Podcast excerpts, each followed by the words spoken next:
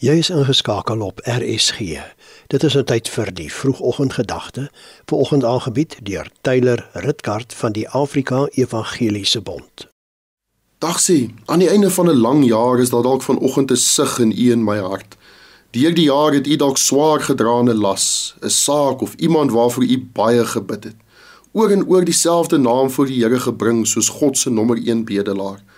En nou loer u na die kalender en fluister, Here, Die jaar is amper verby, hoor u nie vir my nie. In Markus 2 vers 1 tot 12 lees ons van 'n bid hier. Vier manne is swaar belas met hulle vriend.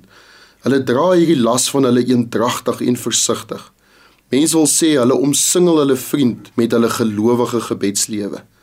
Hulle gebedslewe word getoets. Daar's struikelblokke wat sou maak dat meeste die bid hier sou begin misloop, sodat die wat oorbly maar die las agter hulle moes aansleep maar nie hierdie vier manne nie. Hulle het volhard.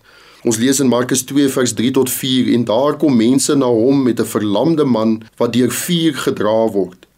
En toe hulle van weer die skare nie naby hom kon kom nie, maak hulle die dak oop waar hy was en nadat hulle dit oopgebreek het, het hulle die bed waar die verlamde op lê laat afsak. Ah, mense sal sê, soos die ou mense gesê het dat hierdie vier manne het deur gebid gelowig, gesamentlik, gedetermineerd wil 'n mens sê, nê? Maar ook 'n bietjie gewaagd. Want hulle het die grond waarop hulle gestaan het verswak met die brekery. Hulle self so bietjie ontbloot of blootgestel, soos ware verootmoediging maar doen. En hulle het die herstelwerk rekening sekerlik bereken, want dit was nie hulle dag gewees nie, nê? Soos ware gebed maar altyd iets van my kos. Maar nietemin het hulle hulle vriend aan die Here se voete gekry ongeag die uitdagings en die koste. Dalk tik u al daai boksies. Nou hier is die bemoediging. Vers 5 sê en toe Jesus hulle geloof sien, sê hy vir die verlamde: "Seun, jou sondes is jou vergewe."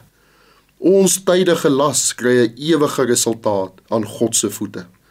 Natuurlik is daar dadelik teestand, maar nou is dit die Here Jesus wat teestand kry.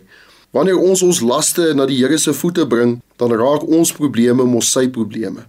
Daar in vers 6 tot 7 redeneer die omstanders oor hierdie oënskynlike godslastering want ja, hulle het reg gehoor, die ou se sonde is sopas vergewe terwyl hy steeds op die naad van sy rug lê. Ek het 'n wiskundeonderwyseres gehad wat haar somme op die witbord met haar hande afgevee het. Daardie aaklige onverstaanbare wiskunde was wel nie meer op die bord nie, maar steeds op haar hande. Heeldag was haar hande blou en groen en rooi. Maar jy weet die Here vergewe nie so nie. Nee, hy vergewe volkome. Wat hy reinig is weg. Dan die Here se dringende vraag. Wat is makliker om vir die verlamde te sê? Die sondes is jou vergewe of om te sê staan op, neem jou bed op en loop? Die antwoord is dat beide vir hom ewe maklik is. Dit is die God na wie u u las gedra het aan wie se voete u daardie las neergelê het. Dan lees ons verder: "Maar sodat julle kan weet dat die seun van die mens mag het op aarde om die sondes te vergewe," sê hy vir die verlamde man: "Ek sê vir jou, staan op, neem jou bed op en gaan na jou huis toe."